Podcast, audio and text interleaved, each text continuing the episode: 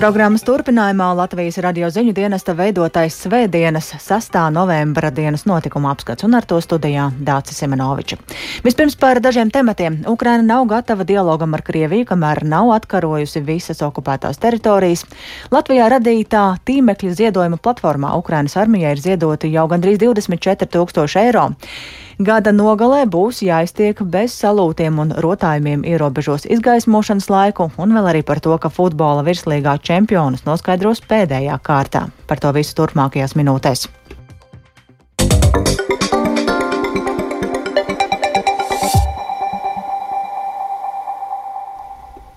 Kamēr Ukrainas teritorijā atrodas Krievijas karaspēks un daļa valsts teritorijas ir okupēta, Kijeva nav gatava dialogam ar Maskavu. Tā ir paziņojusi Ukrainas vicepremjera, un savukārt ASV administrācija vēlas, lai Ukrainas līderi būtu atvērti dialogam ar Krieviju. Bet galvaspilsētas Kijavas mērs aicina iedzīvotājus sagatavoties tumšai un augstai ziemai. Par visu vairāk stāsta Uldis Česberis. Krievijas uzsāktais karš Ukrainā ilgst jau 256. dienu, un, diemžēl, nekas neliecina, ka tas drīzumā varētu beigties. Krievija turpina ikdienu ar raķetēm un droniem terorizēt Ukrainas iedzīvotājus, bet fronte iniciatīva ir Ukrainas aizstāvjiem, tomēr viņu virzība uz priekšu notiek lēnām. Regulāri izskan aicinājumi Ukrainai un Krievijai sēsties pie sarunu galda un izbeigt karu diplomātiskā ceļā, taču Ukrainas vadība jau vairākus mēnešus uzstāja, ka nav gatava miera sarunām ar Kremli, kamēr tur saimnieko Vladimirs Putins. Ukrainas uz laiku okupēto teritoriju reintegrācijas ministre un vicepremjere Irina Vereščuka šodien publicētā intervijā itāļu laikrakstam Corriere della Serra norādīja, ka pašlaik nav tādu priekšnoteikumu, lai varētu runāt ar Krieviju. Kad, Tad, kad Krievija aizies no mūsu teritorijām, mēs varēsim runāt par dialogu. Tas nevar notikt, ja šeit atrodas okupanti.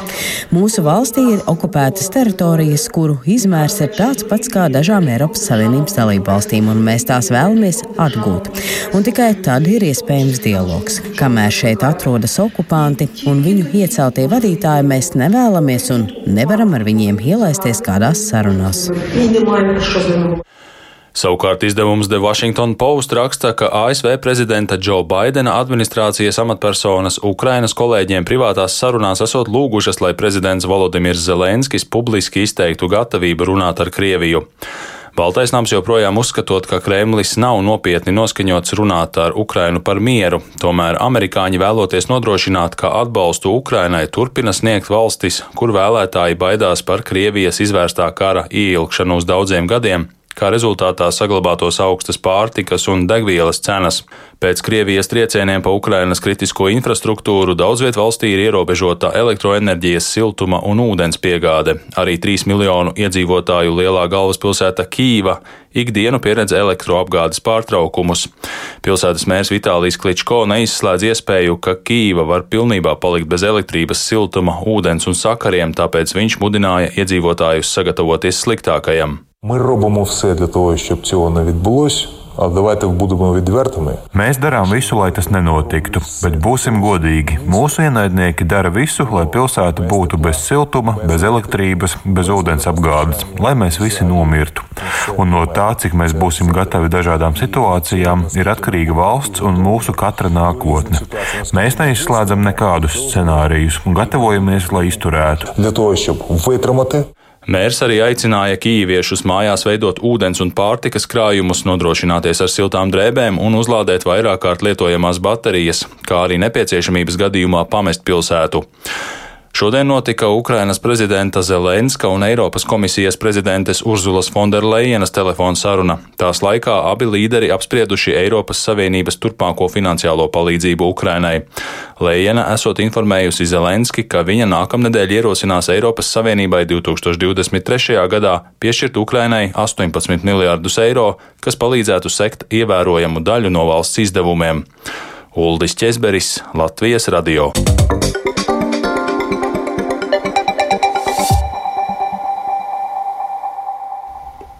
Latvijā radītajā tīmekļa ziedojuma platformā Stopify kopš nedēļas vidus apmēram 2000 abonentu Ukrainas armijai ir ziedojuši gandrīz 24 tūkstošus eiro. Platformā ar nepilnu 7 eiro vai lielāku ikmēneša ziedojumu var palīdzēt nodrošināt Ukrainas armijai vajadzīgo. Par to, kas vajadzīgs, informē Ukrainas vēstniecība Latvijā, savukārt sagādā ziedot LV darbinieki, kuri arī atskaitīsies ziedotājiem. Par platformu turpina tās idejas autors un iniciators Māris Upenieks salikās ideja, ka kā būtu, ja mēs eh, pēc līdzīga principa varētu abonēt eh, nevis seriālu, bet eh, būtībā mūsu drošību un brīvību no nu, kontinenta Eiropas, kas šobrīd būtībā izšķirās Ukrainas kaujas laukā. Šo servisu tu vari abonēt atbalstu šos nelielo ikmēneša ziedojumu tieši Ukrainas bruņotajiem spēkiem un tādā veidā arī palīdzot viņiem izbeigt šo karu. Šis ir tāds veids, kā uzticēt šos maksājumus, izdarīt Stopify, būtībā dzīvot ar sajūtu, ka tu visu laiku dari kaut ko lietas labā, nevis tikai pasīvi skaties tās ziņas un šausminies. Turpināsies valdības deklarācijas izstrāde, būs Lāčplēša diena un pirmizrādi piedzīvos filma par leģendāro žurnālistu Gunāru Jākopsonu.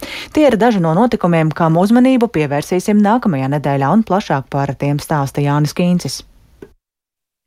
Pirmdien notika saimas svinīgā sēde par godu pirmās saimas sanākšanas un satversmes spēkā stāšanas simtajai gada dienai. Šajā sēdē piedalīsies valdības vadītājs Krišjāns Kariņš no jaunās vienotības un ar uzrunu uzstāsies saimas priekšsēdētājs Edvards Smiltēns no apvienotā saraksta. Vēlāk saimas deputāti nolika ziedus pie brīvības pieminekļa.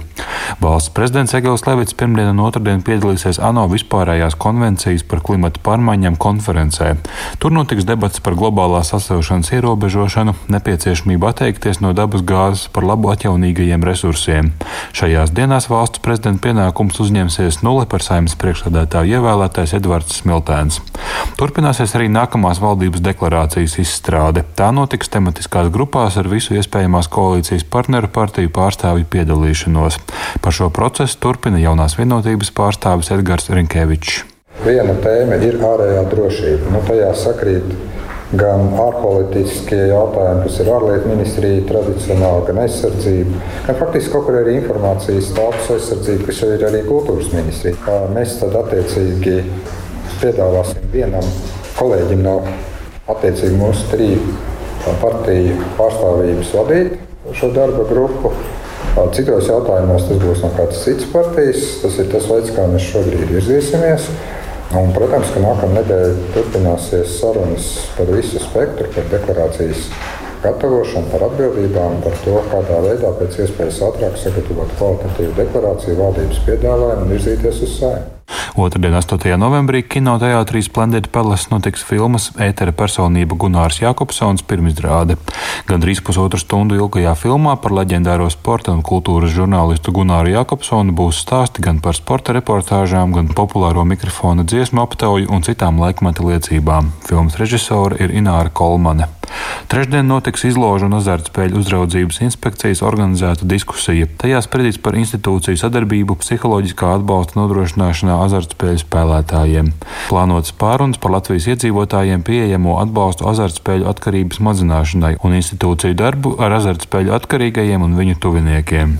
11. novembrī atzīmēsim Latvijas dienu. Rīgas domā jau 2009. notiks Latvijas dienai un 1919. gada 11. novembrī kritušo Latvijas brīvības cīnītāju piemiņai veltīts dievkalpojums. 2011. notiks ziedu nolikšana brāļu kapos. Latvijas karamuzejā būs apskatāma Latvijas un sabiedroto bruņoto spēku militārās tehnikas un ekipējuma izstāde. Latvijas dienai veltīti pasākumi notiks arī Latvijas Nacionālajā vēstures muzejā. Vakarā notiks dažādi tematiski koncerti koncerti. Pie Rīgas pils mūriem notiks arī ikgadējā svecīšu nolikšana, godinot tos, kuri piedalījās cīņā pret Bermudu armiju par Latvijas brīvību. Jānis Kincis, Latvijas radio. Un šī gada nogalē valsts svētkos un arī gadumijā salūtu nebūs tā neformālās sarunās ar lēmuši lielo pašvaldību vadītāji, ierobežos arī pilsētu rotājumus pirms Ziemassvētkiem. Ietaupīto naudu varētu izmantot palīdzības sniegšanai iedzīvotājiem.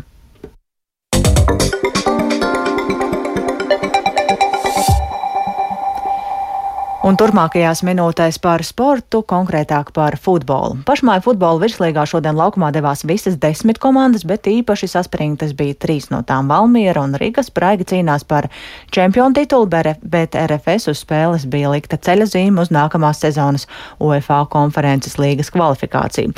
Galu galā šodien varēja kronēt arī šī gada virslīgas čempionus, bet tas tomēr nenotika, atstājot maksimālu intrigu pēdējai kārtai. Par šodienas futbola virslīgas spēlēm vairāk vairāk Mārtiņa Kļavinieka ierakstā. Darbs noslēgusies nešķirta rezultātu. Un 0 pret 0.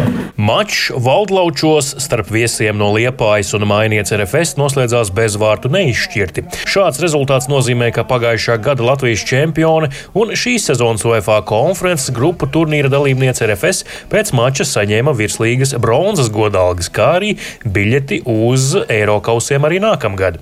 Neviltot priecīgs par šādu iznākumu bija RFS ģenerāldirektors Māris Verpakovskis. Šobrīd šī, šī trešā vieta arī mums ir zelta vērta, jo beigās varējām vispār neiekļūt Eiropasos. Jā, nu, protams, ka gribējās priecēt tas fakts, ka mēs iekļuvām Eiropasos, bet nu, tomēr tas, ka nevinējām kausu, tas mums liekas sēž kaut kā atmiņā. Un, Kausu mēs ļoti gribējām uzvarēt, un to titulu žēl, ka mēs nedabūjām. No šīs gads devis tādu rūdījumu. Es domāju, ka uh, ilgam laikam vēl pietiks. Ja mums tik daudz svarīgas spēles bijis un tik daudz, uh, kur izšķīrās tieši spēles galotnēs. Un, uh, spēles ritējums principā arī bija tāds mums labvēlīgs. Es teiktu, mums mazliet pārsvars piederēja, un arī otrajā puslaikā vajadzēja gūt vārdus. Pirmajā arī varējām gūt vārdus. Nu, jā, kopumā prieks par izcīnīto neizšķirtu un trešo vietu. Liepāja līdz ar neizšķirtu nodrošināja 4. vietu, bet nākamgad spēlēs tikai virslīgā un Latvijas kausā. Kurzemes komandas laukuma spēlētāji šodien nospēlēja neizteiksmīgi, bet vairāk kārt no vārtu zaudējuma glāba vārdsargs Krišjānis Zviedris. Viņš uzsvēra, ka nākamnedēļ sezonas pēdējā mačā pret potenciālo čempioni Valmieru jāiepriecina savi līdzutēji. Jā, spēle nebija tā vieglākā. Nu, cīnījāmies līdz beigām. Kaut kur varbūt veiksmi pietrūka. Bet nu, jā, šoreiz ir tā, ka ar neizšķirt mums nepietiek. Līdz tam momentam pietrūka, kā sezonas vidū, kad mēs tur mocījāmies un tā tālāk. Bet tagad pēdējās spēles bija ļoti pārliecinošas. Tā kā tieši otrādi bija nevis tāds kaut kāds mandrāžs, bet tāda pārliecība, ka viss būs kārtībā. Spēlēsim mājās, negribās to sezonas pēdējo spēli varbūt noliet savu skatītāju priekšā. Gribās arī uzvarēt tos trīs punktus paņemt. Nu, es domāju, neskatoties to, ka mums nekas neizšķirās, tāpatās cīnīsimies un mēģināsim atņemt Valmērai punktus. Citos mačos šodien Jūrmalas Spartaks ar 1-0 pārspēja Audu, Daugopils ar 3-2 metu, bet vēl divos svarīgos dueļos uzvarēja favorīti. Līderi un galvenā pretendente uz čempionu titulu Valmiera ar 6-1 pārspēja Supernovu, bet Riga ar 2-0 uzveica Tukumu. Tas nozīmē, ka starp Valmieru un Rigu saglabājas viena punkta starpība. Čempionu tituls izšķirsies pēc nedēļas pēdējā kārtā. Tajā Liepājā vietējā komanda spēlēs pret Valmieru, bet Riga tiksies ar RFS. Jau pērn čempionāta izšķirošajā kārtā uzvarētāju kausa gaidīja pusceļā starp Rīgu un Daugopili, bet nākamnedēļ tas būs uz A9 šoseis, stāsta virslīgas izpildirektors Ainārs Dakša. Brocēna saldus kaut kur droši vien pa vidu būs jāskatās. Jā, bet, eh, nu, jāsaka, godīgi, šajā nedēļas nogalē gatavojamies uz šīs nedēļas nogalas spēlēm. Un uh, rītdien sāksim gatavoties nākamajai nedēļas nogalē. Nākamā nedēļa Valmiera pirmo reizi komandas vēsturē var kļūt par valsts čempioni futbolā, bet Riga to var paveikt pēc gada pārtraukuma. Mārtiņš Kļavinieks, Latvijas radio.